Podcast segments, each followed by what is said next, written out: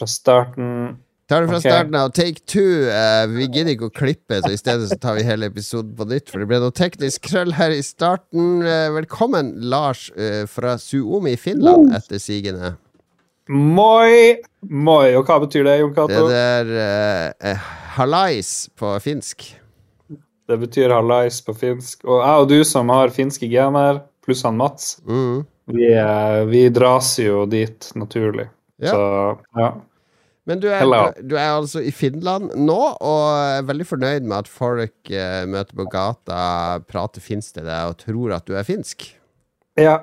Det fortalte jeg om i Take One. Uh, har skjedd flere ganger. Skjedd i hvert fall to ganger. Blir sikkert til å skje flere ganger. Er det fordi du går rundt i bar overkropp med en uh, bjørkekvist og slår deg på ryggen og uh, banner og sverter?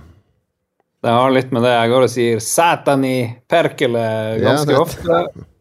Og så går jeg og sier til alle at jeg skal ta livet mitt. Fordi det er mitt inntrykk etter å ha sett finsk fjernsynsteater og Er det, er det ikke ganske høy selvmordsrate i Finland? Ja, men jeg tror faktisk Norge sikkert har kanskje enda høyere. Så det, det, men vi er jo i slekt, Norge og Finland sikkert, så vi har, vi har, vi har mye selvmord, dessverre. En lystig sommerepisode av Lolbua. Velkommen skal dere være, kjære lyttere. Vi, eh, vi spiller inn til tross for at du er på dodgy wifi i en eller annen finsk uh, sauna. Ja, jeg tar opp fra sauna, og det er helt fucking great. Uh, her, er, her går det både i varmt og kaldt, men jeg skal fortelle mer om det senere. Men det jeg har gjort mest i sommer, det er jo Du har vært i Spania. Ja. Der skal vi sikkert få masse vite om. Hvor det var 300 grader. Og jeg har vært i Dublin, hvor det var egentlig ikke så veldig varmt der. Nei, Men det var, det var strålende. ja. Vi, Eh, på mange måter. Irland er Har du vært der noen gang? Det er et sykt land. aldri vært i Irland. Jeg skjønte at du dro, du dro jo med en, en gjeng eh, med menn i sin beste alder. Ja, det var herretur. pølsefest. Kan ikke si guttetur lenger, vi er for gamle til det. Det er herretur. Herretur, ja. Um, han Kien Kian Krogstad, en av eh, flere affilierte leger Doktor Krogstad. Ja, Dr. Krogstad fylte 40 år for lenge siden, og, men så var det jo korona og alt sånt, så Kian er den typen som uh, på fly håper at det skal være noen som får illebefinnende på fly, og at de kommer Ja. og spør Er det en lege her. Da sitter den klar. Ja, lege. Jeg går i gang med CPR, enten det er allergi for peanøtter eller uansett. Så Det må være litt trist uh, for din yrkesgruppe, for det er aldri noen på flyet som bare Er det en journalist der? Nei, det skjer nesten aldri at noen spør er det en journalist her. Det er mer sånn Er det en journalist her, får vi lov å prate fritt. Det, det er mer sånn. Ja. Ja. Ja, det er Men, mer, eh, ja, nettopp. Ja. Nei, men eh, lege er med. Mats var med. Han kjenner vi jo. Ja eh, Søskenbarn til Mats var med, og så var han, eh, han Trond, og så var han Marius med. Så vi har fem. Fem stykker, og hele turen eh, skulle vare en uke fra søndag til søndag. Men første som skjer, flyet er utsatt. Vi skulle fly litt sånn på formiddagen på søndag. Flyet er to timer forsinka. Det betyr vi må vente en hel dag ekstra, for det går ikke noen flere fly fra Norge Ja, det, til Dublin. dette har du tenkt å repetere neste uke, når du har tatt valgt et fly til Oslo som lander én time før flyet til Budapest skal gå. Ja, for det har du fått med deg. Det stemmer. Jeg får med meg alt, Lars. Alt. Ja. ja. Jeg sa det vel til Espen, som sikkert var Ja.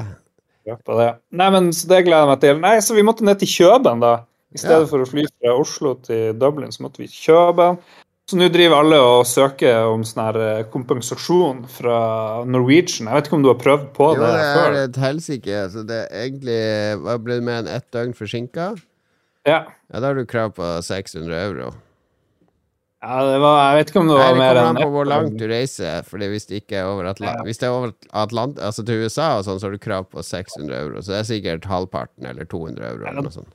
Ja, det er noe, det er noe sånt. Så det finnes jo egne selskap som kan gjøre det der for deg. Ja, jeg, jeg anbefaler deg å bruke det, for det brukte svigerfaren min en gang. Og de tar jo eh, 25% av det du skal få, da, men da slipper du å styre med det. det.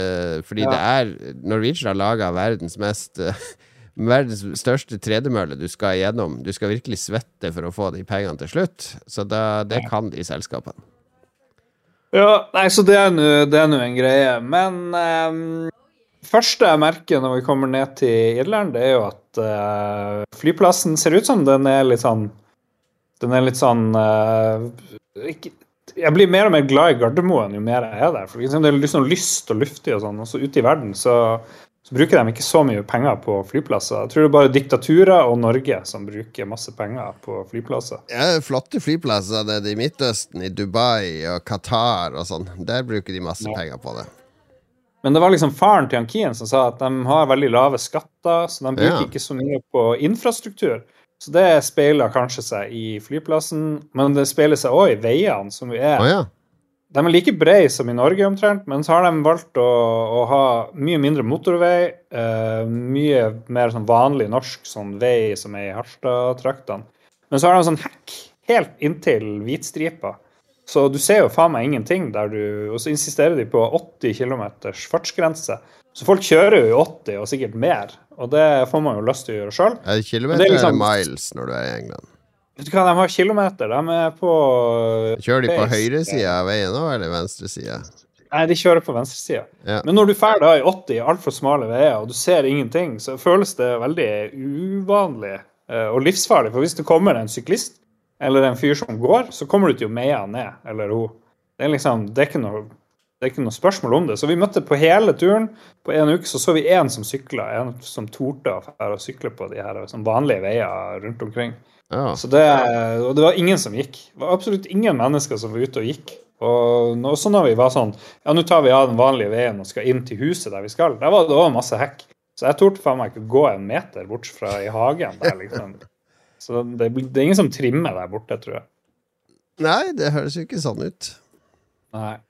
Um, Nei var, bortsett fra frykten for å bli drept av en bil, hva, det, hva, hva, hva mer var det som prega den naturen? Um, jeg, vil, jeg, har en lang liste her, vi kan ikke ta alt. Men uh, uh, de har sånne bemanna tollstasjoner. Eller tollstasjoner sånn der uh, du må betale veiavgift. Og da må du stoppe, og så må du liksom enten beepe med kortet ditt, eller så må du prate med en person. Og det sitter folk i hver eneste sånn der bomstasjongreie. Og det fant jeg meget absurd. Så de ansetter sikkert 1000 mennesker i hele Irland bare for å sitte og gjøre ja, det er helt meningsløst. I Spania òg. Sitter i sånne bomstasjoner hele tida. Ja, hva er opplegget med det, liksom? Er det bare for å sysselsette folk, eller er lønningen så lav, eller hva er opplegget? Det er fordi du kommer fra et land Uh, der uh, du er blitt veldig vant til Altså, vi, uh, vi, har jo Vi betaler med kort overalt, og med Apple ja. Pay og sånt. Det er jo ingen som har cash i Norge lenger.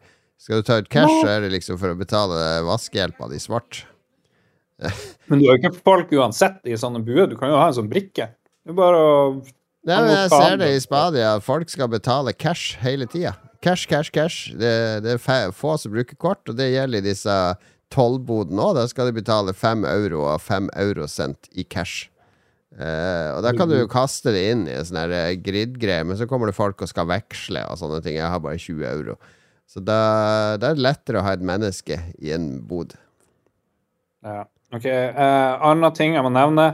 Fins ikke internett i Irland. Fins ikke det finnes knapt 3G, og det er så når du får 3G, så funker det ikke å surfe omtrent eh, på nettet. Og 4G det oppdaga vi vel kanskje midt i, eh, i, eh, Dublin, liksom.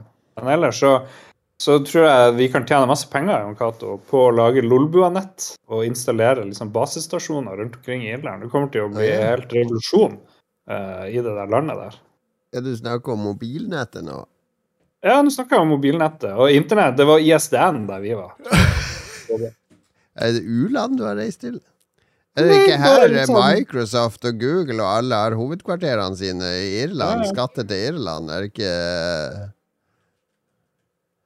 Nei, det er nå det, men det, jeg vet ikke om det er sånn som han, faren sa, at det er, veldig lav, det er veldig lave skatter. Det er det som er prisen du betaler for lav skatt. Da har du, får du det sånn. Får du crap infrastruktur og umulig å gå noe sted fordi de ikke vil bygge fortau og Nei, det fins nesten ikke fortau. Men ja, ja. ja. Nei, men, det er et hyggelig på... reisebrev fra Irland, dette. Det høres ut som verdens største møkkaland. Nei, det, jeg fikk kritikk for at jeg drev og klagde mye på den turen her, så det, det, det, det hører jo det hører med deg at jeg fortsetter. Men landet er jo utrolig fint, da. Det er jo sånn her eh, det er grønt. de- Det er veldig grønt. Og det er sykt mye kuer. Jeg lurer på om de har kuen ute hele året, liksom. Og de går og raper og, og ødelegger atmosfæren vår, visstnok. Nei, nå skal vi jo nå skal vi være positive. Skal vi være positive. Og så er det jo veldig gøy eh, med å være rundt og se hvor mye puber det er. Så hvis du liker litt alkohol, og det liker jo vi i Lolbua er det bare irske puber der. Ja, det, vi snakka om det der. Fins det noe annet enn irsk pub? Jeg fant ikke noen som Ikke- puber som ikke var irsk. Ingen som ikke hadde den der typiske irske profilen. Nei, det var bare sånn her uh, Og alle het sånn her The Speckled Hen eller uh, The Cock Ja. and the Doodle. Cock and the doodle. Ja. Nei, så, så det var veldig koselig. Og, eh, men siden jeg klagde mye, så ble vår vert, han eh, Kian, han ble litt grinete på meg da, av og til. Han mente jeg klagde litt mye. Og så ble det litt sånn, det ble litt sånn krangling. Jeg- Du vet når folk er altfor gode venner, da kan de begynne å krangle litt. Ja, ja, ja.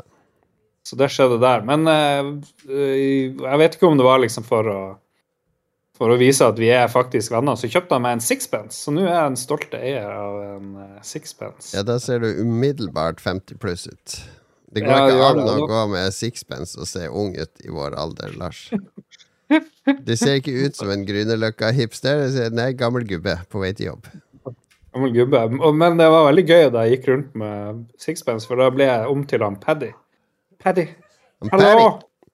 I'm Paddy. Paddy, Paddy is very fond of Da ble du akkurat som nå i finnene tror du er finsk. Du, kan, du er sånn der eh, internasjonal kameleon. Du kan gli inn som en eh, native i et hvert, eh, i hvert fall i land med, med dominerende hvit befolkning.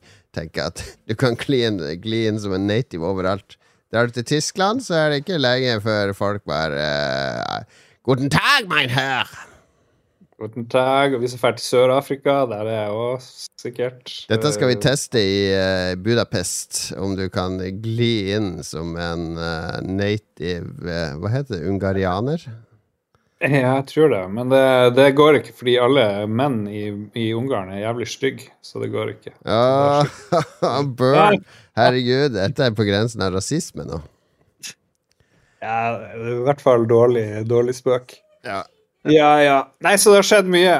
Det har skjedd mye. Men det jeg lurer på eh, Kanskje jeg kommer tilbake til mer underveis. Men Ja. du ser veldig rød ut i trynet. Er det fordi du har levd i 60 varmegrader nede i Spania nå jeg har lidd i 40 varmegrader i Spania, i Granada og Malaga og Estepona nede på sørkysten. Så jeg har fått en ganske bra tan, faktisk. Eh, mye sol, mye svette. Eh, jeg har også fått øyekatarr, så derfor er jeg litt sånn ekstra rød på Oi. det ene øyet. Jeg driver og skyller med saltvann. Eh, men eh, nei, det har vært eh, åtte dager i Spania. Uh, hyggelig, det. Varmt og fint. Hadde med Steam-dekken. Spilt masse Dave the Diver, som jeg skal fortelle om etterpå. Oi. Uh, og sett en ny gammel TV-serie som jeg skal anbefale etterpå. Og ja, på flyplassen så møtte jeg en gammel kjenning av det. Skulle hilse så masse fra han Kjell Eik. Oi. Er det broren til han Stig van Eijk? Nei, han Kjell Eik. Hvem er Kjell Eik? Kjell Eik, balla mine!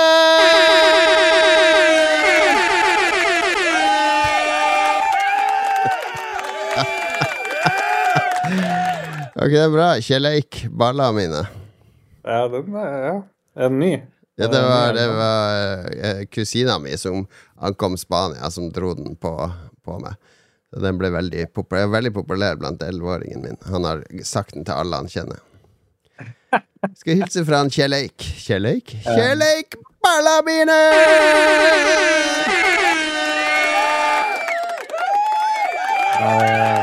Ok. Sinnssyk humor. Før vi, før vi kommer for langt her, vi må Ja. huske å si til alle patrions at det er noe bullshit med DNB. Ja, DNB har uh, sett på Patrion som en scam eller noe. Så de bare stoppa alle betalinger til Patrion. Så du må gå inn og Hvis du skal fortsette å være Patrion, så må du gå inn og aktivere uh, Patrion-medlemskapet ditt på nytt. Fordi plutselig så mista vi Gikk ned sånn 200 dollar eller noe sånt. Uh, jeg skjønte ingenting. Tenkte folk har fått feriepenger og har andre ting å bruke det på. Men så så jeg jo at Level Up og, og Red Crew og mange andre har opplevd akkurat det samme. Ja. Fucking DNB, altså. Det, og jeg har DNB nå. Dette var siste dråpe. Nå er det fuck Ja, altså Jeg har jo vært kjempefornøyd med S-banken i 15 år, men de er jo blitt DNB nå. Nå forsvinner Apple Pay-funksjonen, så jeg kan ikke betale med klokka mi lenger i butikken. Og det er en uh, Hvis noen har tips til andre banker å flytte til, for jeg orker ikke å bli i S-banken under DNB, det byr meg mot. Ja. Så s- send de gjerne inn. Men uh, ja, fiks Patrion din hvis du vil fortsette å være Patrion av Lolbua, og andre du eventuelt er Patrion fra. Så du, du er ikke det lenger hvis du er DNB-kunde. Når du hører denne episoden, så er forresten en ny eh, Hva heter det? Patrion-eksklusiv podkast. Ruffelbua. Ruffelbua kalte vi det. Det er så lenge siden jeg har vært med i Ruffelbua. Jeg har glemt helt hva det er for noe. Så det, det er jo storstrålende. Så får du egne hvis du, du kan, Vi har en spilltier. Vi samarbeider jo med den fantastiske podkasten Spill, og de har òg en egen Patrion-podkast som du får hvis du med. hos oss. godt innhold til alle som støtter oss. Jeg er trøtt etter åtte dager i Spania, for vi har gjort så mye. Vi har vært på Alhambra, ja. siste muslimske festninga i Europa. Vi har vært på Tyre, ekte tyrefekting. Trodde jeg de hadde avskaffa der nede, men nei, det var Ja. eh, fullt eh, det var, det var ikke noe problem å slakte seks okser i ringen. Jesus, ja, drepte de dem, altså? Ja, ja, de torturerer de jo. Det er sånn her eh, Det er akkurat som sånn her rest, Det er sånn morbid wrestling.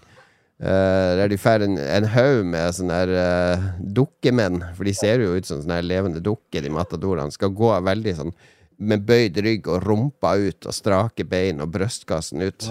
Går de og spankulerer sånn- rundt.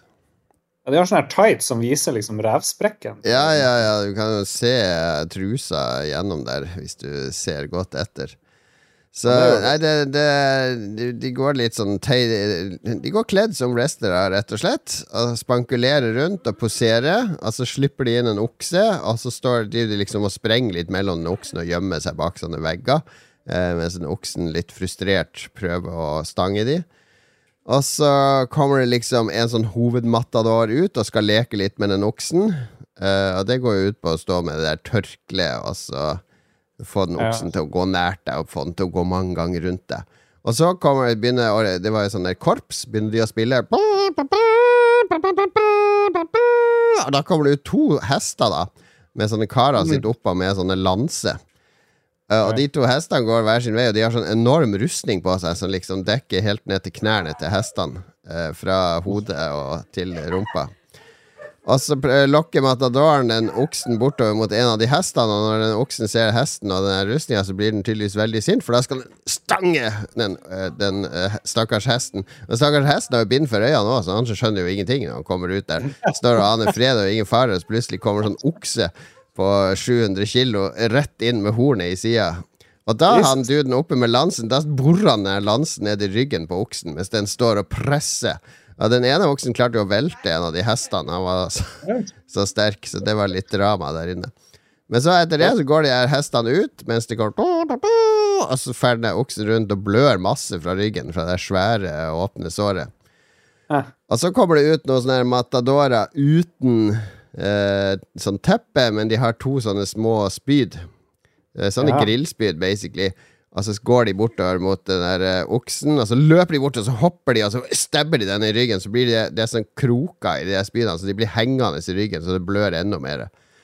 Jesus. Og så skal den matadoren drive og danse med den oksen rundt seg helt til den er så sliten. Du bare ser magen gå inn og ut og sliten og holder på å blø i hjel. Og til slutt så har han sånn langt sånn kordesverd som han gjør klar, og så skal han liksom hoppe mot hodet på oksen, og så stikker det ned i nakken på oksen helt inn. Ja. Det regnes som en clean kill. Det er ikke en kill heller, Fordi da, da blir oksen veldig svak og, og stressa, og så detter den ned på kne, og da får den sånn siste stikk gjennom hjernen, og da dør den umiddelbart. det Altså, høres ut som det er litt sånn feil Det er liksom grilling i feil rekkefølge. For du kommer med grillspyd før oksene dør og, og noen ting. ja, det er god observasjon. Nei, men det der gjentar de seks ganger. Det er veldig sånn tradisjon på det. Det skal være seks okser, og så er det tre matadorer, og de får to okser hver. Og hvis Matadoren gjør det veldig bra, får inn det sverdet helt til bunns med første slag og får sånn clean kill, så skal alle i publikum vifte med sånne hvite lommetørkle.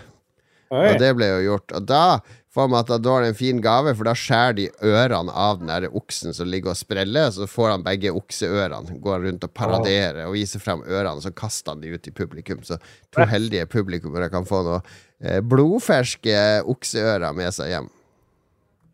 Jeg driver og jeg har sett en dokumentar nylig om han, eh, Ernest Hemingway. Han var jo veldig opptatt av uh, matadorer og spansk kultur og sånn. Så Opptatt av den maskuliniteten der nede, som han mente det var Han var jo litt sånn desperat etter å være eh, maskulin nå, da. ja, han var jo liksom den mest maskuline. Han skulle liksom skyte de største dyrene i Afrika og ta de største fiskene utfor Key West i Florida. og Ja, ja. Ja. Men jeg, nå fikk jeg litt lyst til å lese noen av de her Dodor-greiene. Ja, det var ikke så mye maskulint ved det. For meg var det mer som en sånn der grotesk wrestling. Fordi hele den der dansen med oksen er veldig sånn der uh, Det var jo Det er jo sånn teatergreie de holder på med, liksom. Så Ja. det, var, det var litt sånn Det var akkurat Eller det var veldig sånn som jeg hadde trodd det var. Litt Jeg, eh, på, jeg tror jeg har vært på noe sånn barnetyrefekting. Da kom de ut med sånn høns og gjess og sånt, og det var bare sånn tull. Ja, det, det høres sånn. Nei, han eh, elleveåringen min var jo med, og han gikk etter, sammen med mammaen etter et par okser, for det ble, ble litt voldsomt. Eh, det var ikke som oksen Ferdinand som han hadde sett Disney-tegnefilm. Ja, Men du ble for alle seks oksen, da? Ja, da vi så hele greia. Ja. Vil du se mer? Nei, det skal jeg aldri på det igjen. Men nå har jeg jo sett den dyreplaginga på nært hold. Jeg kan stille meg bak alle de som er motstandere av det, for det her har ikke noe jeg, jeg prøvde jo jeg ville jo finne, Det er jo en eller annen kulturell verdi for spanjolene her, ikke sant? Det er jo noen tradisjoner og noe annet, men eh, det er ikke noe som er verdt å ta vare på. Jeg dømmer det nord og ned. Spanjoler har slutt med det her, men nå er det vel det Vox Populi-partiet som ligger an til å vinne der nede, og de er jo sånne høyre eh, Ekstremhøyreparti som bare skal holde på tradisjoner og sånn, så det blir vel tyrefekting til himmel og helvete i, i det landet fremover. Uh, ja. Verden er liksom ikke helt perfekt. Den er ikke det. En annen ting som jeg har reflektert over fra når jeg var i Spania, så å, nå er jo plutselig eh, Mark Zuckerberg, som vi for øvrig så i Oslo i går. Han kom uh, gående forbi Kakado. Det var en prikk lik Zuckerberg-kopi. Aldri sett noen som ligna så mye på Mark Zuckerberg. Ja, det var jo han. Det var sikkert han.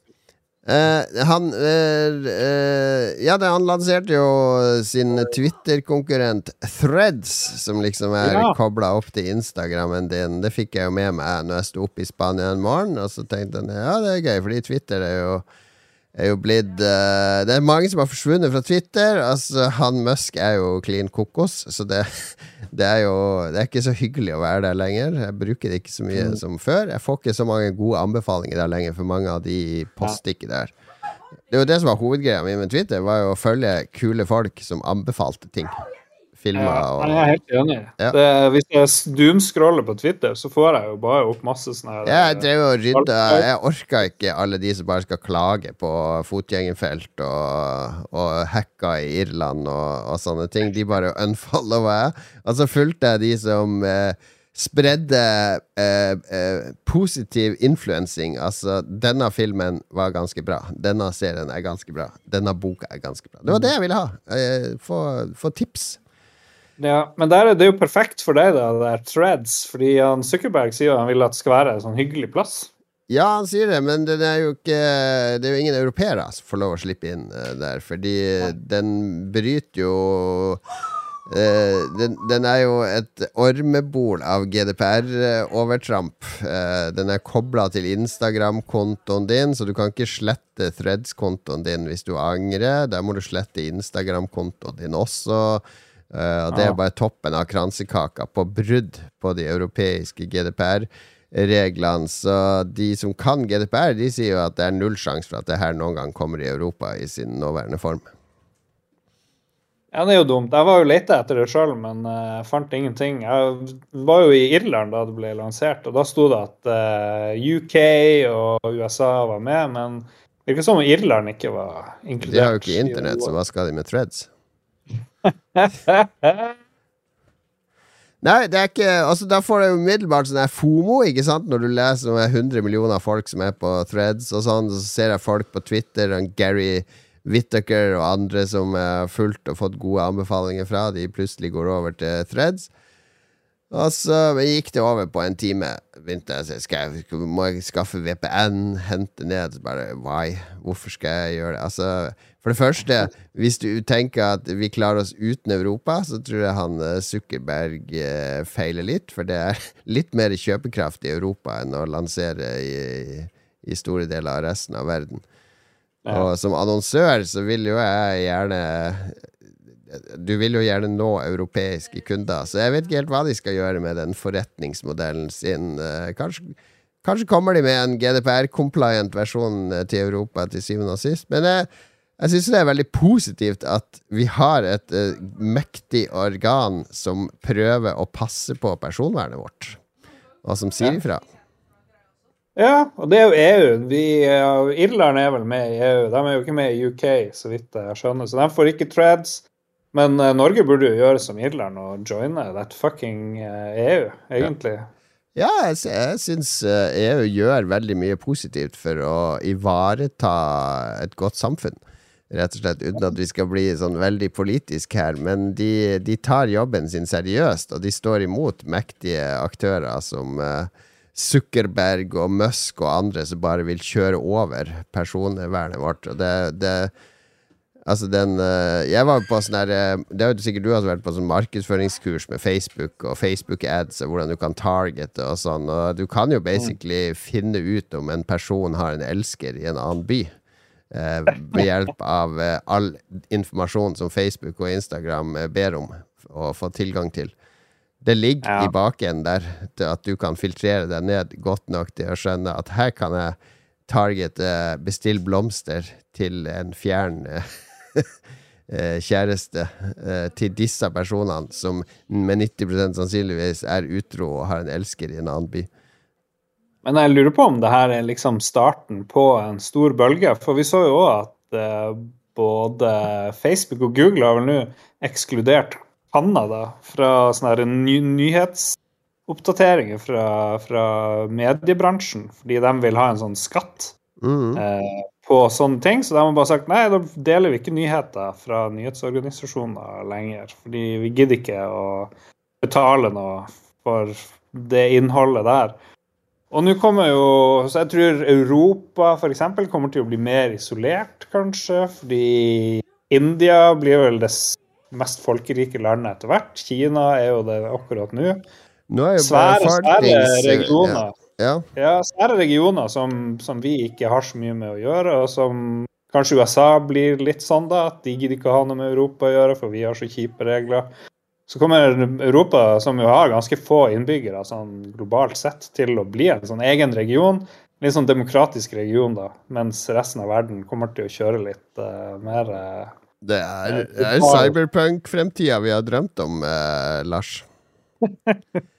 Uff. Ja, apropos befolkning, så så jeg det var, om, om, det på en, en, eller annen nyhetskanal da jeg var nede i Spania. Fordi For første gang nå så ser de konturene av at befolkningsveksten, den globale, kommer til å begynne å gå nedover.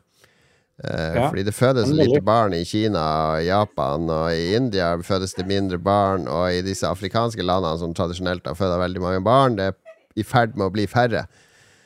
Så uh, plutselig Snart har vi nådd toppen, og så begynner det å gå nedover. Og det byr på helt andre utfordringer, uh, sa han eksperten, fordi veldig mye av markedsøkonomien er jo basert på jevn vekst. Da må man plutselig begynne å, mm. å lage ny uh, nye prognoser. Nå ble det veldig sånn her Aftenpodden, det her. Jeg tror vi må spille litt musikk og komme oss videre, Lars.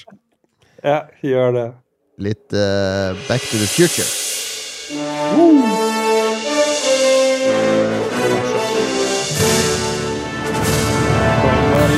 Reklame.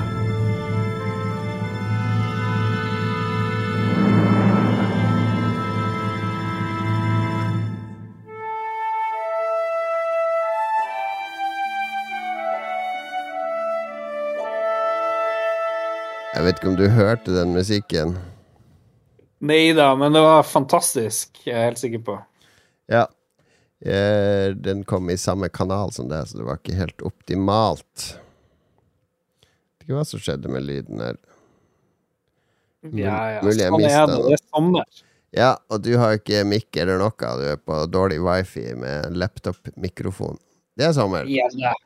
Hva er greia med Jeg så noe i, i eh, Spania nå, fordi vi var ute og spiste. Så kommer det en dude med trekkspill, og så spiller han litt sånn Noen, eh, noen fine spanske melodier på trekkspillet sitt. Går rundt med en hatt. Eh, hva er greia med å velge seg trekkspill som eh, karrierevei? Du kan velge fiolin, ikke sant? Ende opp i verdens eh, beste filharmoniorkester, ha solokonserter, bli rik og berømt. Du kan velge piano, du kan velge tromme, bli trommis i det største metal-bandet i verden og reise på turné. Ah, Du kan velge et utall instrumenter og ende opp i flotte orkester, symfoniorkester eller band eller gruppe. Men velger du trekkspill, så er det eneste du kan håpe på, det er å sitte på gata med en hatt. Eller loffe rundt eh, fra landsby til landsby med trekkspillet på ryggen din og rallarsekken på. Eh, uteliggerkarriere. Er det, er det mulig å, å bli rik og berømt av å spille trekkspill? Nei, jeg har aldri sett en, eh, en berømt trekkspiller i kjole og hvitt på scenen som eh, det kastes rose etter. Så hva er greia med uh, at trekkspill ikke er et instrument det er mulig å lykkes med eh, i livskarrieren sin, Lars? Det her var, det her var veldig snobbete eh, av deg. Liksom, drømmen er å stå i kjole og hvitt. Eller i hvert fall å tjene godt til livets opphold. Er det noen trekkspillaktører i Norge som lever av trekkspillet sitt? Det vet jeg ikke. Er det det internasjonalt? Jeg vet om flere band som har trekkspill som en del av sin lineup. Nevn tre. Du vet om flere. Det skal være i hvert fall tre. Ja, du har The, The Rockers. Så har du Du har DDE. Yes. er, der står han av og til med sånn lite trekkspill på scenen. Det er, jeg vet at de er Violet Road, veldig stor i Nord-Norge. Der er det trekkspill. Det må være masse. Jeg er sikker på at Hvis du drar til Spania eller Irland, der er det jo trekkspill de luxe i Irland. eh, må du huske. Så det, det her er Men jeg skjønner hva du sier. Du blir jo ikke sånn stjerne, stjernesolist, men du blir jo ikke av å spille bass så veldig mye heller, liksom. Det er noen Sting som står og spiller litt bass, og han er karen i level 42. Så det, det er jo litt det samme. Nei, du har han i Thin Lizzie og eh, mye bra basspillere. Ja, ja, ja, men du står ikke i kjole og hvitt og får blomster kasta etter deg der heller. Trekkspill og munnspill, det er uteliggerinstrument. Eh, fe- Er det feil, på, er feil å påstå det? Ja, han er Sigmund Groven, hva han heter for noe? Han var jo dødsstor i Norge på munnspill. Blåklypa-greier og alt det der. Ja, ja, ja. Ja. Du skjønner hva jeg sier? Det blir forbundet med ralleren, med, med uteliggeren, med Det er ikke noe uteliggere å gjøre. Det er ingen uteliggere. Når jeg går rundt og ser de narkomane i Oslo, det er ingen som har munnspeil eller. Kanskje de burde ha det? Det hadde jo hjulpet. Ok, nei, men det, det var en refleksjon jeg hadde i Spania, fordi det er akkurat samme opplevelse jeg har med trekkspill uh, i Norge. Uh, det kommer en dude med trekkspill uh, og hatten sin, og tenker er det, det Skal jeg i hvert fall ikke velge det instrumentet til barna mine. Ja. Jeg er mer, mer irritert på deg panfløytehelvete. Da er du i hvert fall ute og kjører. Ja, den er også vanskelig å gjøre karriere på panfløyte. Det er jeg enig i. Ja. Ja. Um, Nei, det var min hva er greia med. Uh, vi har to hva er greia med til. Vi hører litt eh, Mario Kart-musikk.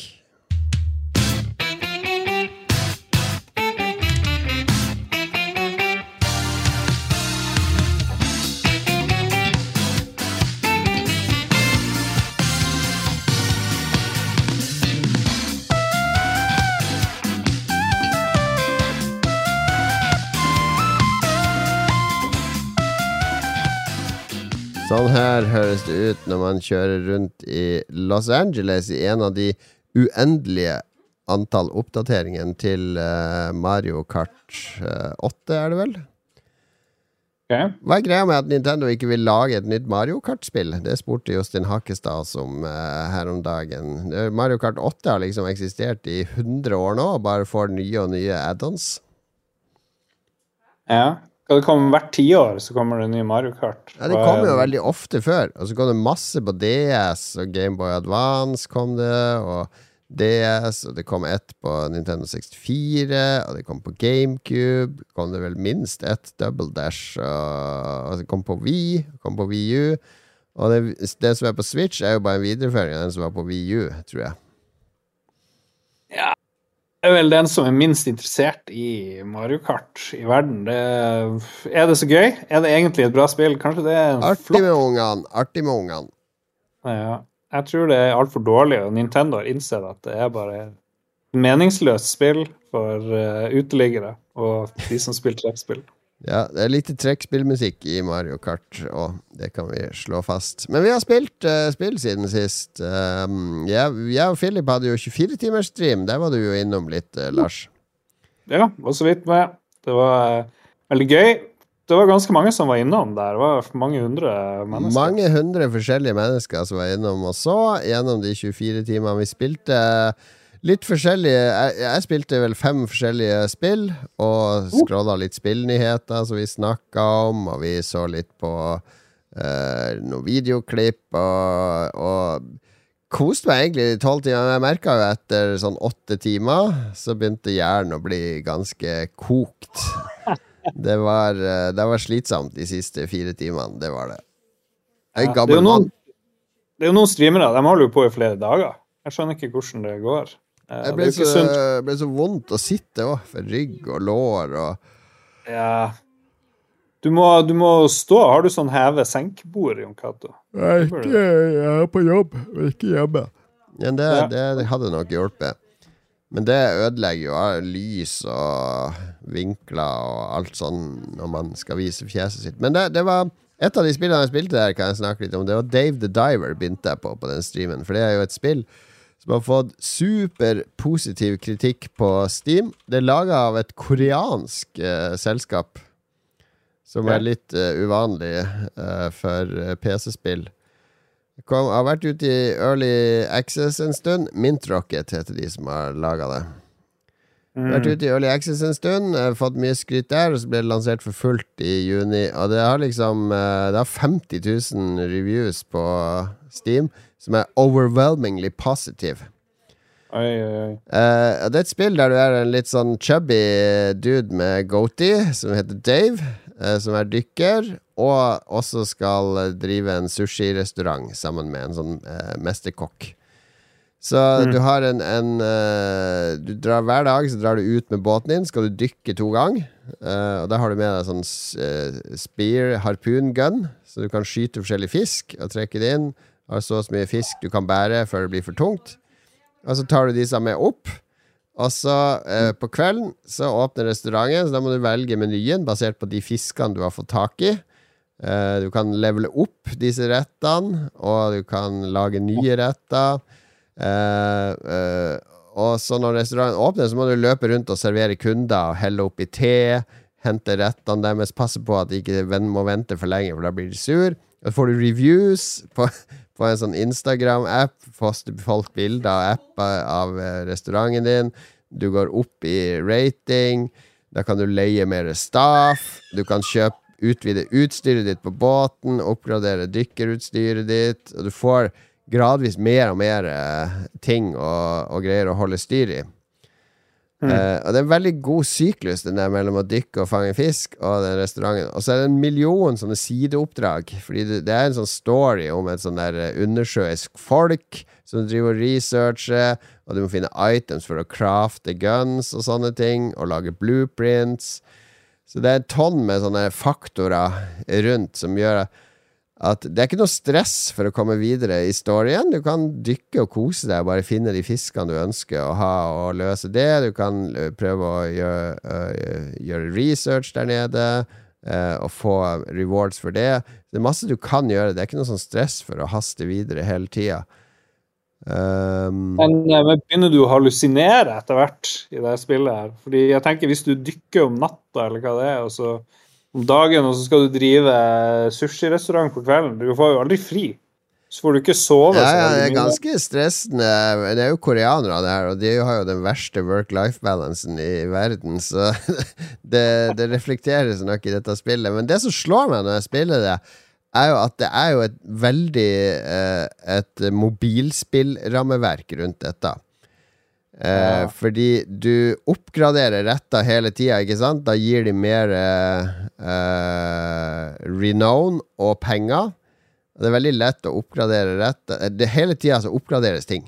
Konstant. Eh, du får penger, oppgraderer dit, oppgraderer restauranten, leier folk.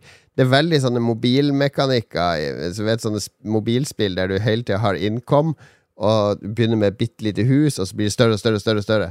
Det, det, er en sånn modell jeg har sett i mange mobilspill, som regel er free to play, og der ting er bak, låst bak sånne barrierer med ulike valutaer. Men det er det ikke her. Så de har tatt alle disse gode mobilspill det, det, er ikke sånn at du må grinde i to timer for å få oppgradert en rett. Det gjør tre-fire retter hver kveld. Oppgradere. Og, og, det går ganske fort progresjon. Du får veldig mye hele tida. Så det, det, føles veldig mobilspillaktig i disse elementene, men gjort riktig. Altså gjort på en tilfredsstillende måte. Og det, det syns jeg er godt, eh, godt gjort. At de har klart å funne hva er bra med disse mobilspillelementene, og hvordan får vi det til å fungere i et uh, fullprisspill? Kan jeg, kan jeg, spille det her på mobilen min, eller er det bare Steam? ja, det er kun på PC, så det er jo ikke på mobil. Og den dykkegreia er jo sånn at du uh, Du styrer med spaken Spiller med gamepad. Styr, du dykker, styrer jo rundt med spaken i, i, åtte retninger under der, og så må du liksom sikte. Ta frem gunneren, og da kommer det sånn siktegreier. Da sikter du med høyreknappen, og så skyter du. Uh, ja. ja. så det er, det er, lagt opp til å spille med gamepad. Det hadde sikkert funka på mobil òg. Ja. Men fisker du med hagle, eller hva er det du gjør? Jeg bruker, liksom? Du bruker en sånn harpun med, med, line på, så du treffer fisken, og så drar du den til deg. Så hvis det er store og sterke fisker, så må du av og til skade dem før. Du kan ha med gunner òg ned der, forskjellige typer guns, eller sånn nett, så du kan fange levende fisk etter hvert, og så videre du må skade fisken. Det virker jo veldig merkelig. Ja, det er jo haier og sånne ting òg, som du kan fange og spise. Okay. Uh, nei, men det, det, det, det, har en utrolig chill Det er perfekt sommerspill, da. For det har en sånn utrolig chill greier, og samtidig så er det litt stressende når du driver og dykker ned på 100 meters dyp og inn i en grotte, og det er skumle fisker og lyder og ting og tang, så og så er det den der, det perfekte avrunda med den restauranten om kvelden. Bare tjene masse penger, sette opp en bra meny, eh, kanskje kjøpe noe nytt dekor, bytte ut stolene, leie inn en ny hjelper til eh, å servere eller på, på kjøkkenet. Eh, liker det. Og det har fantastiske cutscenes. Det må jeg nesten nevne. Det har jo sånn 8-bits-estetikk, hele spillet.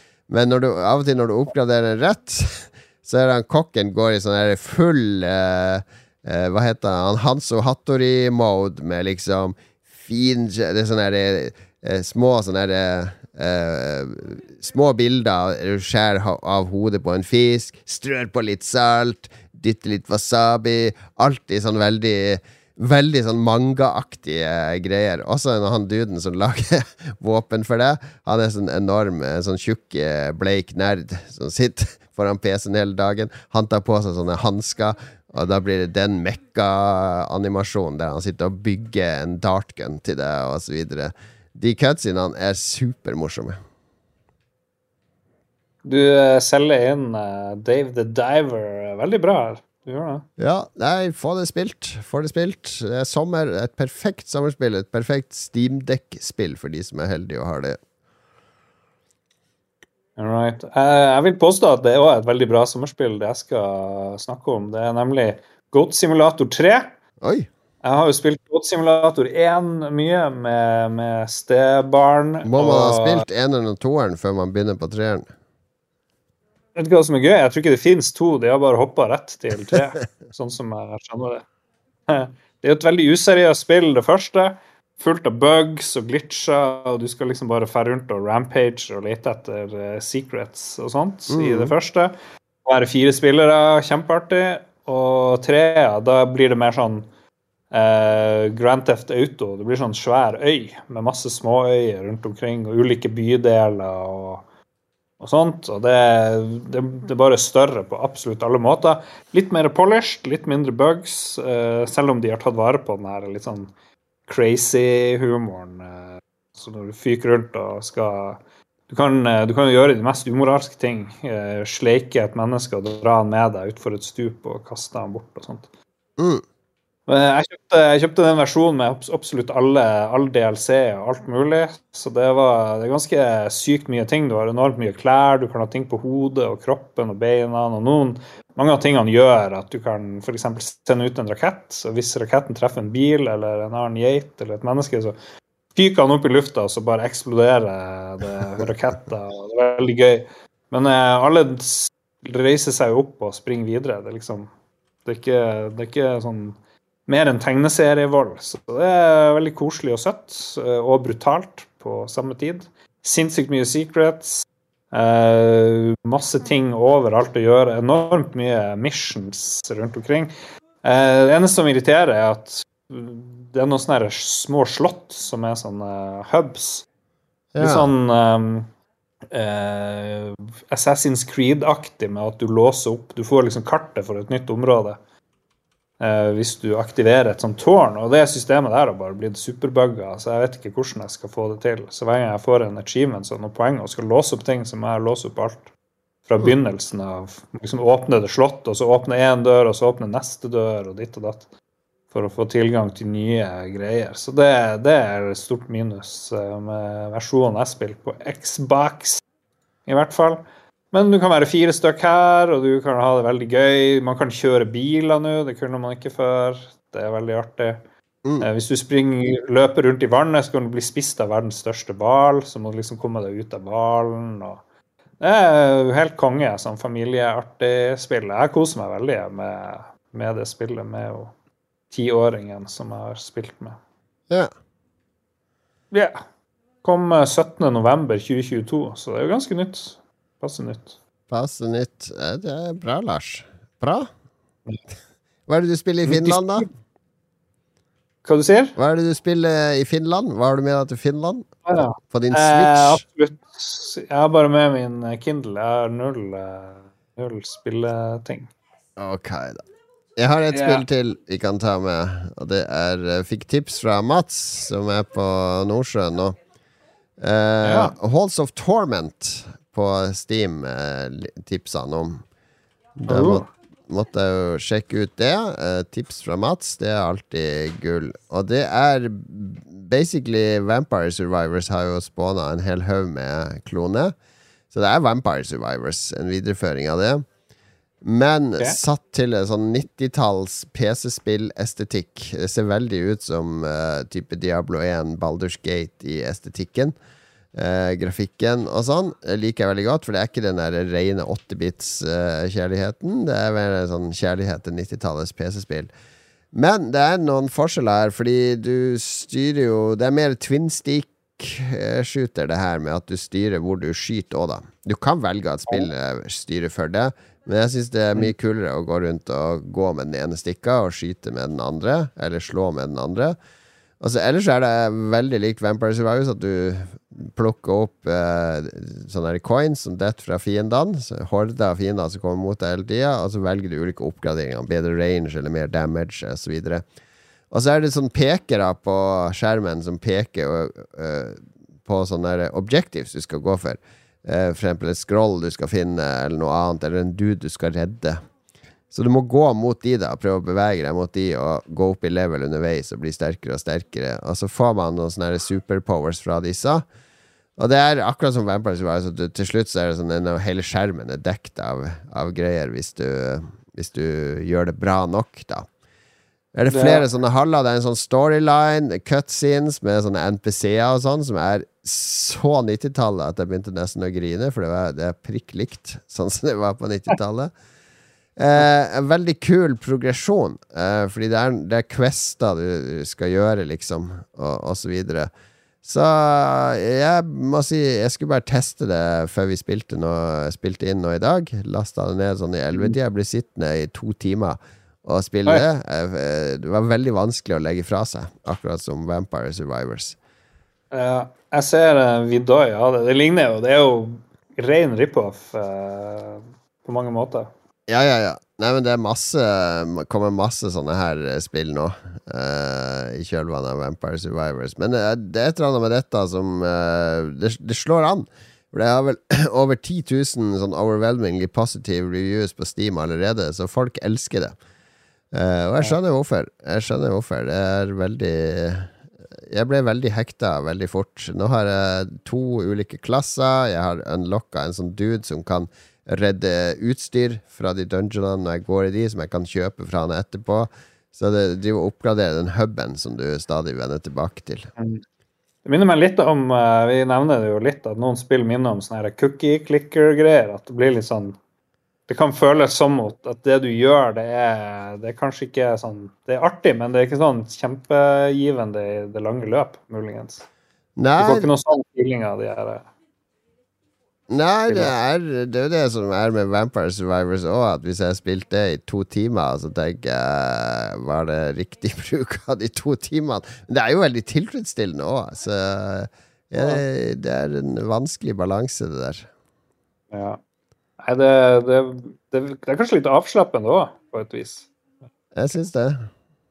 Ja. Det er veldig avslappende og litt stressende, og akkurat passe utfordrende. Så um, Halls of Torment i Early Access på Steam, uh, do check it out. Doobie-doo.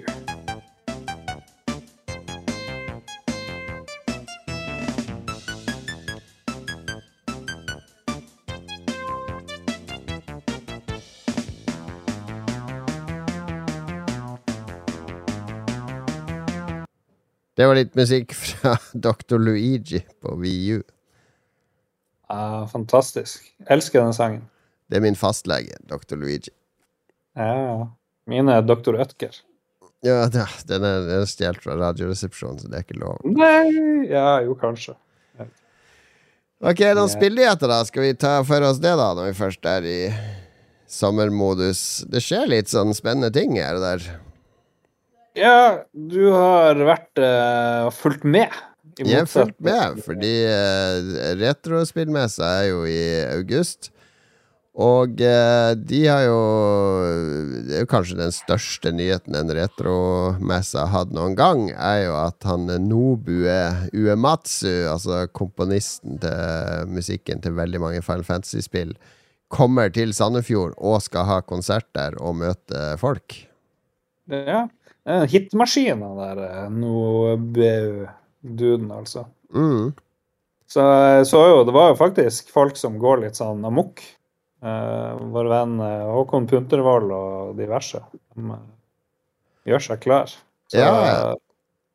Men, eh, men hvor gøy er det at han kommer dit? Han skal, skal, han, skal holde konsert der, tror jeg? Spille Ja, musikk? han har et sånn band som han reiser rundt med nå. Jeg har sett på noen YouTube-klipp som er ganske fint. Jeg har med en dame som synger, og eh, det blir bra, tror jeg. Jeg tror det blir bedre enn disse her symfoniorkester-greiene, der nå skal vi spille en låt fra Battlefield, og så skal vi eh, spille en låt fra Assassin's Creed, videre. Jeg tror dette blir bedre og mer personlig og intimt enn de type konsertene. Ja. Og så skal man stå i kanskje kø og få autografen hans. Ja, Det er en sånn greie. Det vet jeg ikke om jeg gidder. Det er liksom det, Det er for for- nerder er jo dette en fantastisk booking. Altså, hvem andre Altså, hva tenker du hvis du skulle drive retromessa? Hva er det du hadde Hva skulle stått øverst på plakaten hvis du hadde hatt frie tøyler til å få alle til å si ja?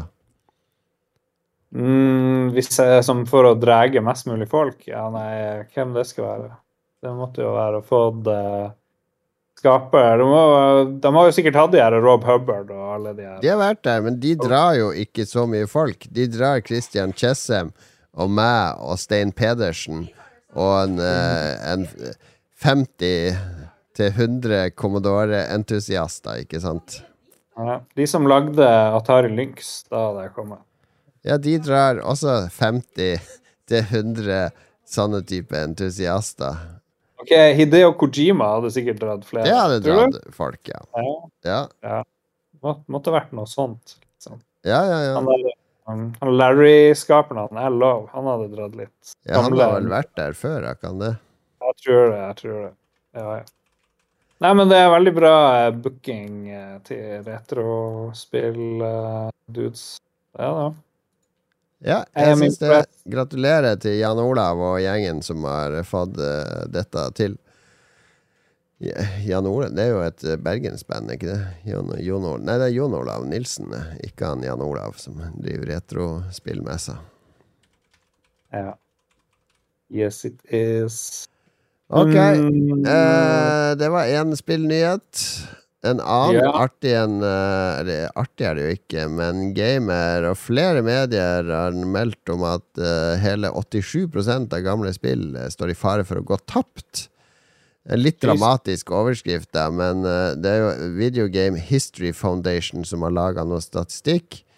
Og så er det jo greit å være litt obs på at de har jo en agenda, ikke sant? For de ønsker å jobbe med kuratorering, eller at dataspill skal være som film og uh, musikk og litteratur, ikke sant? Det skal inn i museum og være tilgjengelig for ettertiden. Ja, eller bibliotek. Ja, bibliotek, ikke sant? Bibliotek, Å være tilgjengelig i ettertiden for forskere og andre nysgjerrige som har lyst til å uh, Forfattere og, og så videre. Så, eh, men eh, spillbransjen har jo vært i opposisjon til å gi eh, tilgang til produktene sine, da. Ja. Eh, og da har de lansert noe statistikk som eh, jeg, jeg tror den statistikken egentlig baserer seg på hvor mange gamle spill er kommersielt tilgjengelig i dag. Ja. Eh, og det er jo sinnssykt mange spill som ikke er det. ikke sant? Så 87 av eh, spill, uh, sier de, går ikke an å få tak i kommersielt i dag. ja. Det er jo sinnssykt mye. Det er jo helt latterlig. Ja, men det, vi- 87 av filmer som er laga over hele verden, er jo heller ikke kommersielt tilgjengelig i dag. Men forskjellen her er jo at de fins i filmarkiver. Uh, I hvert fall i de fleste vestlige land. Det er mye som er gått tapt fra andre land. Men der har jo Norge tar jo vare på alle filmer som blir laga i Norge, f.eks. Eh, så der, der er det en kulturell eh, eh, etablert at filmer skal ivaretas og gjøres tilgjengelig for ettertiden. Men der også skjer det jo Jeg leste noe nylig at eh, Disney driver og fjerner masse filmer. De fjerna en ny sånn science fiction-film som bare lå ute i 30 dager og fikk gode kritikker, så nå er jeg helt borte fra Disney pluss og ikke er mulig å se noen steder. Så det er ting som skjer her i, denne, i disse kommersielle bransjene som eh, motarbeider den kulturelle relevansen av det de lager. Ja. Jo. Nei, det er en veldig interessant eh, sak. De våre venner i Embracer Group før de begynte å tape masse penger. De hadde jo sånn her eh, prosjekt hvor de skal samle absolutt alle spill og konsoller og alt mulig for å gi de tilgang til presse og forskere og sånt. Men eh, det hjelper jo lite mann i gata. Så det er jo en sånn Det er jo noe som mangler. Mm. Det er det, og jeg tenker, de, de som tar vare på spillkulturen, har vært i de 20, 30 siste årene, er jo piratene, som har drevet med emulatorer og sånne ting. De har jo Ja, de har jo Det er jo der eh, vi virkelig har fått preservert de originale rommene til mange gamle uh, spill som vi overhodet ikke er mulig å få tak i lenger. Eh, eller er i drift lenger. Men nei, spillbransjen bør jo skjerpe seg her og, og, og støtte opp om en, en kulturell bevaring av spill, altså. Og tilgjengeliggjøring av spillarven, i stedet for å sitte og knuge på drittspillene sine fra 90-tallet og tro at en eller annen gang skal vi klare å tjene mer penger på disse. Ja. Jeg tror EU kan rydde opp her. EU må inn og rydde opp. Medlemskap i EU er løsninga, rett og slett. ok, siste nyhet er fra gamer.no. For Electronic oh, yeah. Arts De kommer med sitt nye fotballspill i slutten av juni, som nå heter EA Sports FC, eller noe sånt, for de har jo ikke lisensen til Fifa lenger. Og da slapp Mm. de eh, på sosiale medier et, eh, et digert et bilde av en haug med fotballspillere samla. Haaland og Med Haaland i midten. Ryktene skal til at det blir Haaland på coveret. Her ser vi. Haaland og Beckham og uh, masse andre kjente spillere. Kvinner og menn. Ja. Gamle uh, spillere som er pensjonert, og, og moderne spillere som Haaland. Og så har dette bildet blitt latterliggjort fordi det er litt sånn lavpolimodeller eller et eller annet. Men drit nå i den latterliggjøringa der. Det er to ting jeg vil snakke om her. Det ene er Det er kult at Haaland er tilbake på coveret av Fifa, da. Eller at en nordmann er tilbake på coveret av Fifa. For hvilken nordmann har vært på coveret av Fifa før? eh, Aner ikke. Erik Hvem var det? Thorstvedt var på et av de første Fifaene. Så var Erik Thorstvedt på coveret på Megadrive-versjonen. Jesus. Det er gøy. Så Haaland er, er nestemann ut. Det er jo litt gøy. Altså Det andre så er Når jeg så denne saken på gamer.no, så så jeg at den hadde fått 70 kommentarer i kommentarfeltet. Jeg bare What the fuck? Er det så mange Fifa-fans? Men nei. Hva tror du de krangler om? ja, det vet jeg. Hvorfor står det damespillere sammen med menn som er mye bedre i fotball? ja, ja, godt man ikke spiller slike fotballspill. Keep Hva er det slags kvinnehatere som er rundt omkring? Ja, velkommen til diskusjon.no, eh, Lars. Ja, Tenk å, tenk å, eh, har du ikke noe bedre å bruke sommerferien til, du diskusjon.no-debattant som eh, skal surmule fordi at Haaland står att med en kvinne på coveret? Oh. Trist. Ja. Jeg tviler på at de har dame, liksom, eller samboer, de folkene som prater sånn. Jeg kan ikke skjønne noe annet. Det er, det, vi skal ikke dømme alle under, kaste alle under en kam nå, eh, Lars. Kaster alle under en pistol. Kast de under en pistol. Nei, det var eh, spillnyhetene eh, i sommeren. De viktigste spillnyhetene. Kongenyheter. Han Haaland gjør jo, setter jo Norge på kartet. I Irland det var jo det eneste folk vet om Norge, virker det som. Det er jo Haaland. Ja. Eh, et veldig lite utvalg av folk jeg snakka med. Det var det. Ja, ja, du casha inn på det når du snakka med litt eh, irske, irske kvinner, eh, tenker jeg. We're all like Holland, we goal and we fuck like beasts, my lady. Ja, det var nettopp det. Nøyaktig. Oh yes, oh yes. SOWL 103 FM. This next song will make you fly high.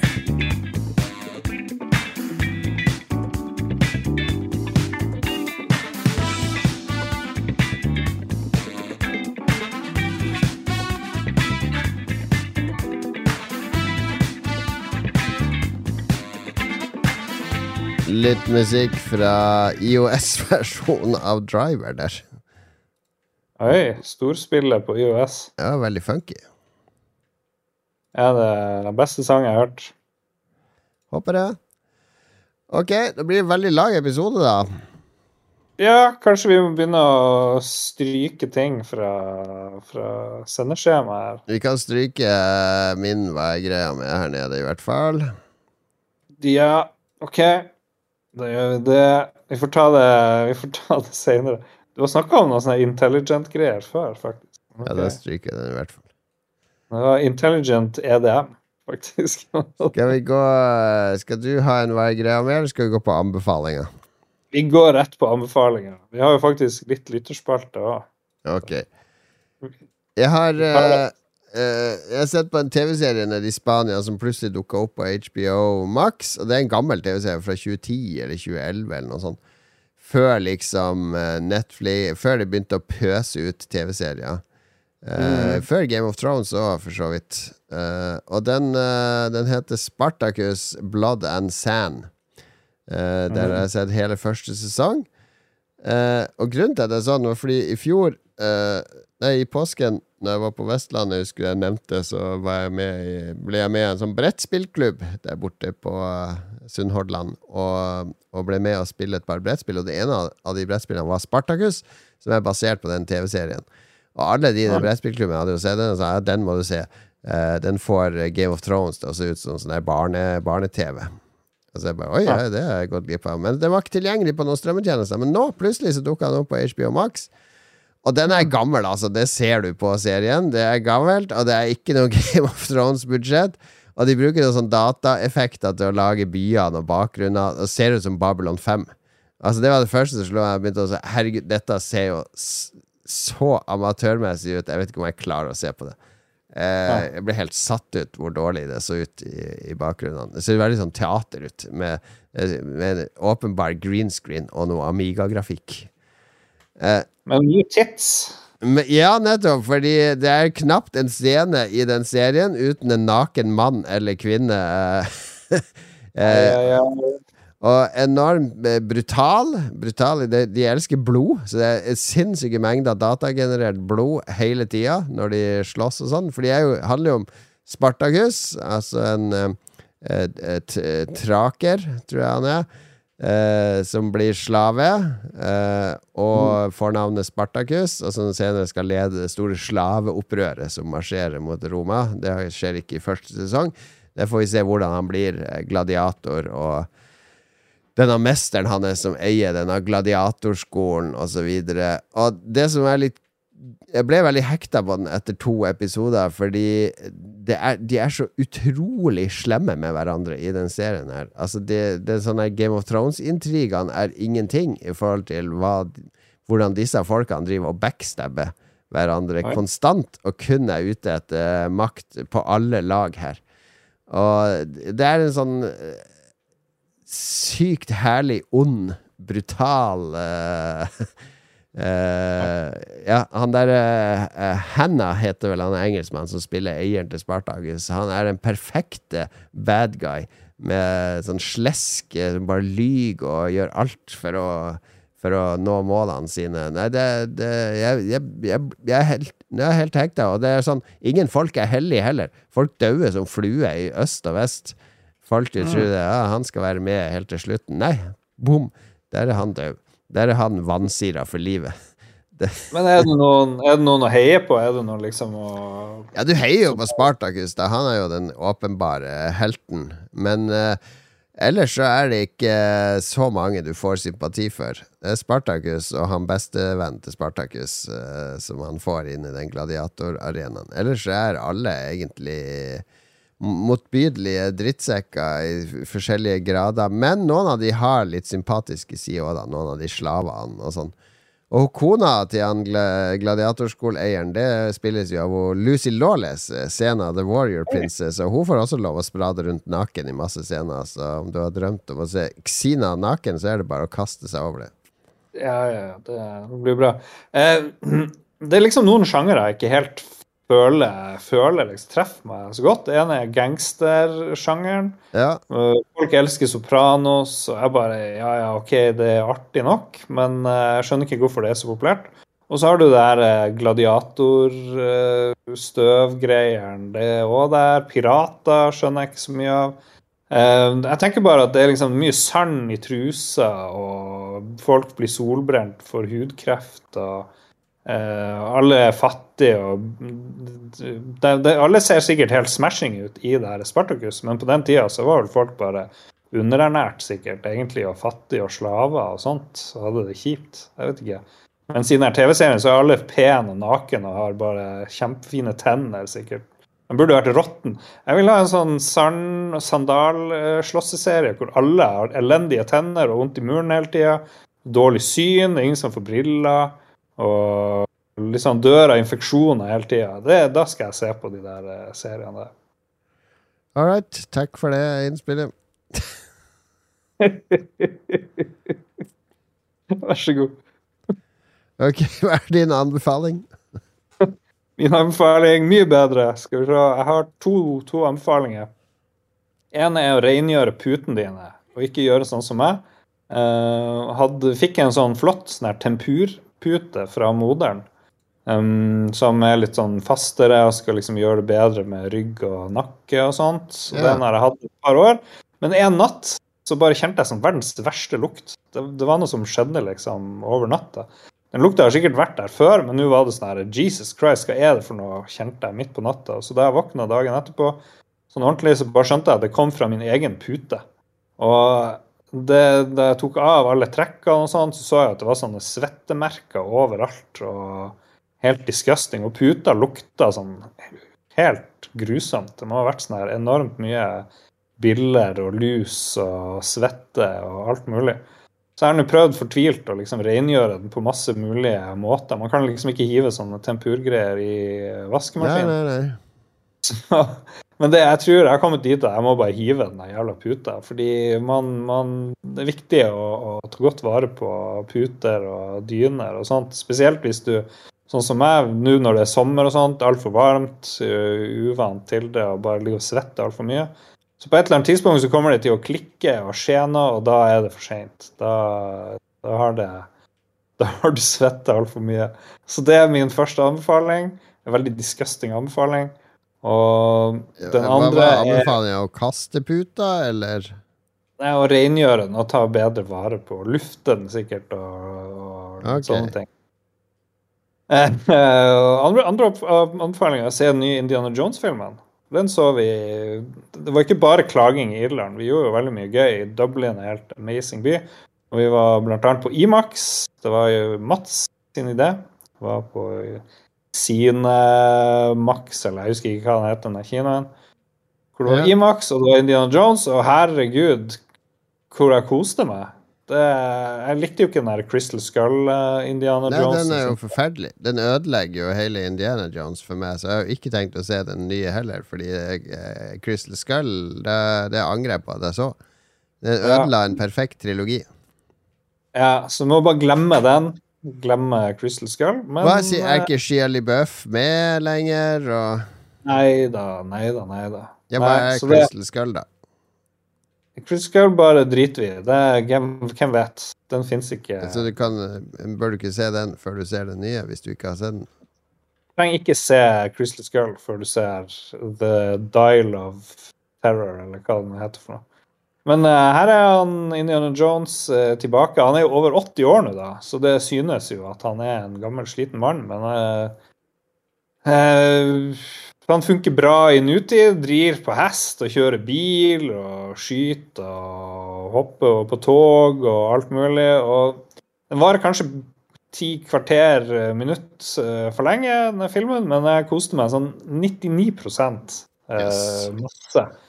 Med og nazistene er tilbake som sånne herlige skurker, og eh, du får liksom gamle karakterer komme frem. Jeg skal, skal ikke spoile for mye, men eh, jeg satt på slutten så hadde jeg tårer i øynene og måtte tørke vekk liksom eh, Nei, det nekter jeg å tro på. Det er helt sant. Jeg ble skikkelig rørt eh, på æren der. Det var, det var Det var nesten god gammel. Det blir, det blir jo aldri sånn som det var da du var liten og tenåring og så Indiana Jones. Det blir du ikke. Men uh, det var så nært som du kommer. Okay. Hvis du må velge en av de to, enten se Indiana Jones eller vaske puta mi, hva anbefaler du?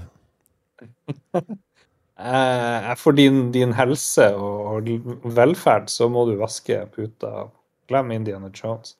Men eh, noe som de gjør i den nye indie-filmen, det er jo at de gjør det gamle trikset når de skal fortelle om Indiana Jones før i tida.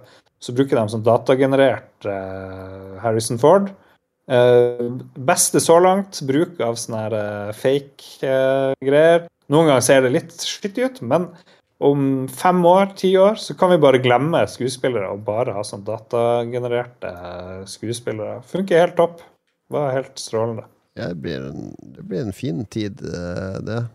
Er det sånn at når de skal tenke tilbake i tida, så er det sånn at Altså kommer, begynner bildet å bølge, og så sånn Og så kommer det. Det er den klassiske filmeffekten når eh, de skal mimre tilbake til noe. Ja, men de bruker faktisk den effekten. Å, nice. Ja, da skal jeg kanskje se den, hvis de bruker den effekten. Nei, jeg vet ikke, får se når den kommer, den kommer vel på Disney Pluss eh, om ikke så lenge, så jeg kan se den. Orker ikke å dra på noe Imax for det der. Hvorfor det? det mamma sa, jeg husker når jeg var på ferie En av mine ferietraumer Vi var på ferie i Sverige. Jeg var sånn ti år. Og så var det kjedelig. Jeg hadde jo ikke så mange å leke med. Jeg var på sånn campingplass, og så så jeg på kinoen der. Så gikk det Tom og Jerry på kinoen og spurte mamma kan jeg få gå på kino. Vi drar deg ikke på ferie for å gå på kino! Kino kan du gå på hjemme i Harstad! Skal, skal ikke på ferie for å sitte inne i en mørk sal! Så det var det første som slo meg når du sa du hadde vært på kino på ferie. Det, man skal Ja, ikke gå på kino på ferie, det har jeg fått inn med morsmelka. Ja, men det er utrolig deilig. Det er som å sitte og se på tennis på Wimbledon når det er 20 pluss grader, og du bør være ute, men du får en sånn guilty pleasure med å sitte på kino i finværet. Det er helt topp. All right. TV-serien Spartacus. Den er litt crude. Du må godta det teatralske eh, og den Amiga-bakgrunnsgrafikken som de har lånt fra Babylon 5. Men når du kommer inn i karakterene, herregud, for en givende serie. Rengjør puta di, hvis du er sånn som Lars, som, eh, som ikke kast den i Ja, ta vare på puta di. Herregud, for en dårlig en. Måtte du ha Du kunne bare hatt Indiana Jones. Indiana Jones, se Indiana Jones og en eller annen dings. Dings of whatnot. Herregud.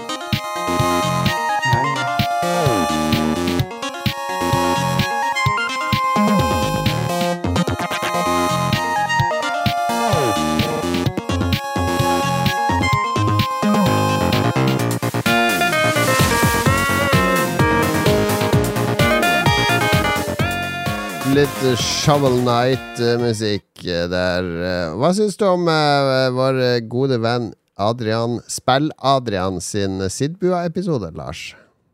Jeg hørte litt på den. Eh, Ja, han er jo gjør en veldig god figur så langt som jeg har kommet. Jeg vet ikke om alle de her sangene han spiller, er liksom superklassikere, men eh, det er jo veldig gøy å høre hans stemme og fortelle om musikk. Det skal jo ikke være absolutt spillmusikk 33. Altså, det skal jo være, det skal være litt sånn vandring inn i og historier rundt uh, ulike melodier som du kjenner og ikke kjenner. Jeg vil, jeg, hvis jeg skal lage en uh, sidbue, så blir det kun bangers. Bangers only. Ja, det er ingenting som hindrer deg fra å lage, du vet det. Jeg har det veldig travelt. Ok, har du noen lytterspalte på slutten? Ja, før uh, sommeren var ordentlig i gang, så spurte vi lytterne uh, 27. juni hva de skal gjøre i sommer, og hva de skal spille. Så nå får vi liksom svarene, så får vi spørre senere om de virkelig gjorde det de, de skulle gjøre. Så altså, hva skal dere spille, og hva skal dere gjøre i sommer? Og første svar kom fra han Defendish Rønstad, som sier at det blir diskgolf hele sommeren. Og jeg har sett på Lolboa sin uh, Patrion Snapchat-kanal, som alle kan bli med hvis de er i rett tier. Så det har vært mye frisbeegolf-greier. så Ja. det virker veldig gøy, og så skal det være grilling eh, på Stefenders. Steffendish. Mm. Skal jeg lese opp, eller har du funnet Jeg vet ikke, prøv å finne det. Det er noe Marvel Snap du har posta her. Noe Det racing. Han um, Erland Nettum, han skal spille Bannerlord. Bannerlord som alltid. Alltid på sommeren, eller alltid 24 timer i døgnet bestandig? Det lurer jeg på. Og hvis du bestandig spiller Bannerlord, Erland, så må du ta tid til å spise og vaske puta di. Og selvfølgelig. Ja, er, er, eh, hvor, hvor er du i denne lista? Der, ja. Bannerlord. Eh, Marius skal smelte bort i Oslo-varmen mens han prøver å nå level 100 i Diablo 4. Kun to leveler igjen. Det burde han jo klare. Ja, det burde, burde ha klart for lenge siden, Marius uh, Champion Det har jeg liksom eh, Jeg kommer ikke tilbake til Diablo 4. Nå er jeg halvveis spilt gjennom kampanjen, og nå er det så mye annet å spille at det ikke Jeg skjønner ikke helt hvorfor jeg skal tilbake til Diablo. Er Diablo 4 en flopp? Nei, jeg vil ikke bruke så sterke ord, Fordi det er vel sånn som Marius Hokland og sånn. Det er jo ikke en flopp for de hvis de skal grinde seg til level 100 og drive med endgame-content, og det blir sesonger og sånn. Men for meg, jeg kommer ikke over det cookie-clicker-aspektet. At jeg sitter For meg, Det er liksom Vampire Survivors i en ny drakt. Det er tidsfordriv. Mm. Og jeg trenger Jeg har ett tidsfordrivsspill, og det er Final Fantasy 14. Det kan ikke ha to. ok. Karsten Sole man skal spille igjennom eh, på nytt. Persona 5 Royal. Ja, ja, ja, ja. Det er, en fi det er fint sommerspill. JRPG. Var, jeg brukte å ha JRPG som sommerspill i mange år. Ja. Men tar ikke det sånn 100 timer? der? Jo, jo, Sånn, du eh, har jo vel det i en sommerferie. jo, jo, greit. Du har det. Du har det. Anders Thoresen skal spille Insomnia, The Ark og Outward. Outward? Hva er det for noe? I don't know. Uh, Insomnia The Ark er et dieselpunk sci-fi RPG about the slowly degrading remnants of human society attempting to survive on an abandoned space station, Metropolis. Ok. Ok, uh, det ser jo litt interessant ut. Ja. Så so good. Skal vi se. Vår venn Tommy Wilhelmsen skal stort sett jobbe i sommer, men skal til Budapest på Formel 1, så vi kan møte Tommy Wilhelmsen nede om en uke. Ja, De som for oss, ikke for dere som hører det. Kanskje dere får høre han på neste uke, eller på, om episoden om to uker. Nei, neste Ja. ukes episode blir det. Uh, For vi er jo på vei til Budapest når du hører dette. Ja. God willing. Godspeed, Lars. ja, i like måte. Jeg regner med at bagasjen forsvinner igjen. Det skjedde forresten på forrige reise òg. Ja. Nå er jeg 100 av 100 på de siste reisene på alt går galt.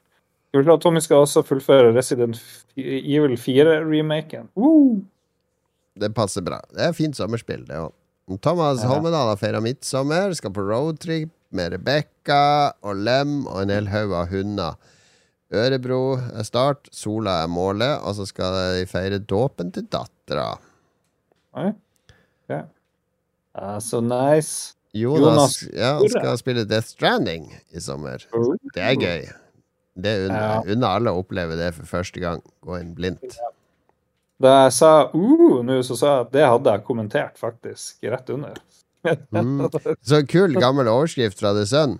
Uh, Samantha Fox, da hun var 16 år. Og da hun begynte med de toppløsbildene. Det er tydeligvis, det er tydeligvis greit i England på den tida. Og så slutta Hun tjente så fikk tilbud, visstnok, og slutta på skolen for å jobbe med det. Ja. Så da overskrifta i The Sun var 'Sam drops uh, A-levels for U-levels'. Åh, engelsk presse. Engelske overskrifter er faktisk de morsomste. Han Joakim Sødegren han skal spille på snurrebassen sin. Åh, artig kar, han eh, Joakim. Det er nok Han- mange, mange som skal spille på snurrebassen sin i sommer. Ja. Han, Sten Tonje Hansen han spiller Forklift Extreme. Og Sky Caravan. Han driver og kjører gaffeltruck. Sten Tonje. Det var eh, Gaffeltruck. Eh, det er godt spillmateriale, fordi det er utrolig mange sånne YouTube-videoer av folk som feiler med gaffeltruck. Som prøver å løfte ting som er skjevt stabla, eller skal løfte noe ned fra sånn høy hylle inne på et lager, og så raser halve hylla ned og sånn. Det, jeg tror det må være det verktøyet i lagerarbeidssammenheng som forårsaker mest ulykke, sånn gaffeltruck. Det. Jeg ser på video av Forklift Extreme, og du kan kjøre både i sånn tredjeperson og førsteperson, og alt sjangler veldig. Det ser kjempeartig ut. Ta, er dette noe som du sjekker ut, Lars, for oss? Eh, garantert. Garantert blir sjekka ut. Forklift Extreme, altså. Full rapport i en fremtidig uh, Lolbua-episode, kanskje. Fins, på Switch, så da øker jo oddsen ekstremt.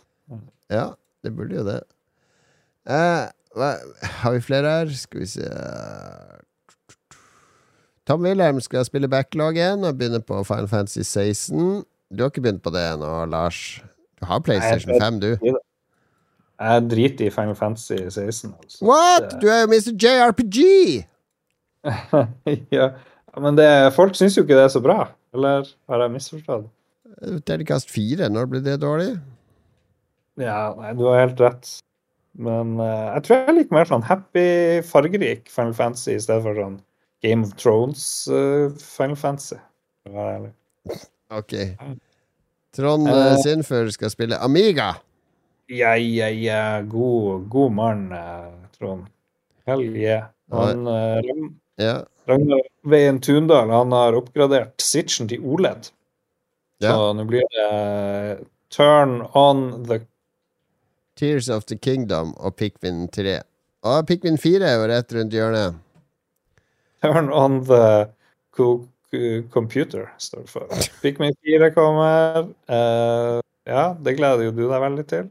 Men eh, OLED og vanlig Switch, det er jo ikke Det er stor Ja. forskjell når du spiller håndholdt. En Switch OLED har mye Det er veldig deilig, den skjermen.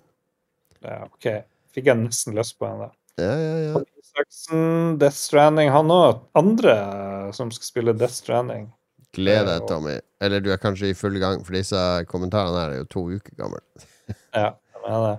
Markus uh, Dalseg skal til Italia, høre på Lolbo og Ragegood, legge på seg, dra til hytta, game. Det blir Tears of the Kingdom, Monkey Island, Mario RPG og Doom. Det er en bra lineup. Mm.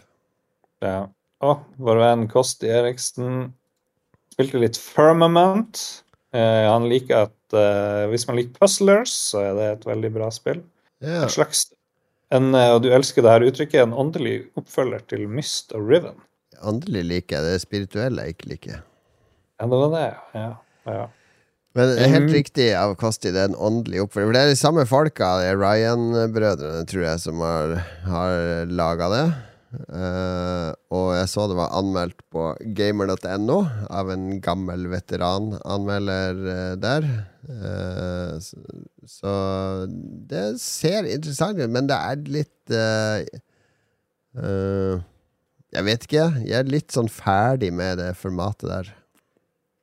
Med Myst og sånt. Ja, den type eh, environment-gåteløsning. Fordi det spilte jo det der eh, Det kroatiske Hva heter det? Der du lager sånn laserstråler og masse sånn logikkgreier du skal løse. Jeg har jo snakka om det her mange ganger. Uh, jeg husker ikke hva det er. Talos Principle. Mm. Taylors Principle er superbra førsteperson puzzle game. Som for meg er en videreføring Altså Det er litt Det er en blanding av Portal og Myst, føles det som for meg. For det viderefører noe av essensen i Myst, som er det å løse gåter, finne ut av environmental puzzles, men gir deg verktøy til å gjøre det. Altså, og da logiske spilleregler. Så det er liksom blanding av Witness og, og Portal og Myst. Og det å gå tilbake til sånn reindyrka Myst-spill med å dra i knapper og Hva skjer hvis jeg dytter på den, og da skjer det, og, og Jeg vet ikke, det, det, jeg klarer ikke å motivere meg til det, sorry. OK. Jeg så du spilte Ghost Trick, gjorde du det på streamen? Ja, Husker jeg. Ja. Det, det er vel egentlig ingen forskjell, tror jeg, på, på ny og gammel versjon. Nei, det noe- var re- ren remake. Ja, Var det noe å anbefale? Mm, ja, det tar litt Det er litt treigt å komme i gang, men uh, sjarmerende. Det er det. Ja. OK. ok. E Eh, Erik Breda Grønneberg skal en uke til Frankrike, så hyttetur, et, deretter hyttetur til Klokkersundet, og sist en uke hjemme med snekring. Men han tar med Switch, Xbox eller laptop. Ok. Very good.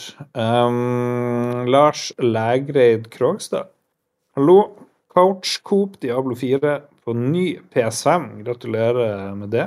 Og så blir det frisbeegolf, discgolf på Hanna. Whoop. Nice. Og Peter Parker skal, når han ikke er ute og bekjemper crime i New York, skal spille Diablo 4, baby. Første bra Diablo-spill på over 20 år. Og tydeligvis full Diablo-feber for to uker siden. Så det er spennende å se om uh, de holder Mm. koken fortsatt, alle som har kommentert her. Ja. Da begynner det på tomgang, så vi må slutte av, Lars. Ja, vi må samle krefter til eh, Budapest, hvor vi tar med opptaker, er planen. Ja. Så får vi se hvordan det blir. Takk til våre tre produsenter som vi spår på pallen eh, under eh, Budapest etter Budapest-løpet. På tredjeplass, uh, men best lap og leder uh, Constructors Championship. TTMXMP, whoop, whoop, whoop. Og hans lag heter Hans lag heter Krk-tsk-puk-puk. Bok-bok med Renault-motor. Andreplass, eh, suverent best på kvalifiseringa, men ble forbikjørt i siste sving. Leder likevel sammenhengende sammen, sammenlagt uh, hele oppgjøret. Der finner vi Duke Jarlsberg. whoop, whoop, whoop. Ja. Hans han team hans team er Seventh Vale United. Strippebaren vår, det. Ja. Og førsteplass! Suveren førsteplass etter å ha forbikjørt Duke Jarlsberg i siste uh, sving med en gammel uh, hjemmelagd bil bygd i Flåklypa. Så vant han hele løpet, og han heter Bjuslo. Bjuslo fra Team fra team Han kjører faktisk for Ferrari. Ja, han. Kjører for Ferrari. Ferraris strategi fungerte for en gangs skyld. Ja. Gratulerer, Ferrari. Så lurer vi på om Tommelun egentlig skal være produsent. Vi gir han en minis-shoutout. Tommelun, han er reservefører for Hvem er reservefører for? Reservefører for Team Skal ikke ha noe team. Åh, det er sommer, det er sol. Ja, det er sommer, det er sol. Vi er litt sløve. Jeg har øyekatarr, jeg må gå og skylle øyet mitt. Uh, Lars, du må gå og skylle puta di og rumpa di. Du er i Finland. Hva er den beste yeah. finske retten du har spist så langt? Uh, taco var på en plass som het Lost Taco i går. Du posta jo bilder fra det. Du, det så jo helt forferdelig ut, den der brune lefsa der. ja, det var sånn svart lefse, så det var veldig hardcore. Black metal taco i Finland. Altså Kos deg videre i sommeren. Du hører fra oss om en uke da med masse lydopptak fra Budapest og Formel 1. Ha det Mm. godt. Ha det bra.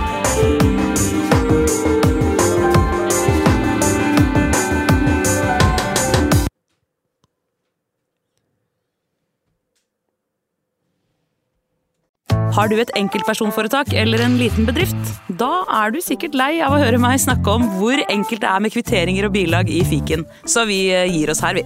Fordi vi liker enkelt. Fiken superenkelt regnskap.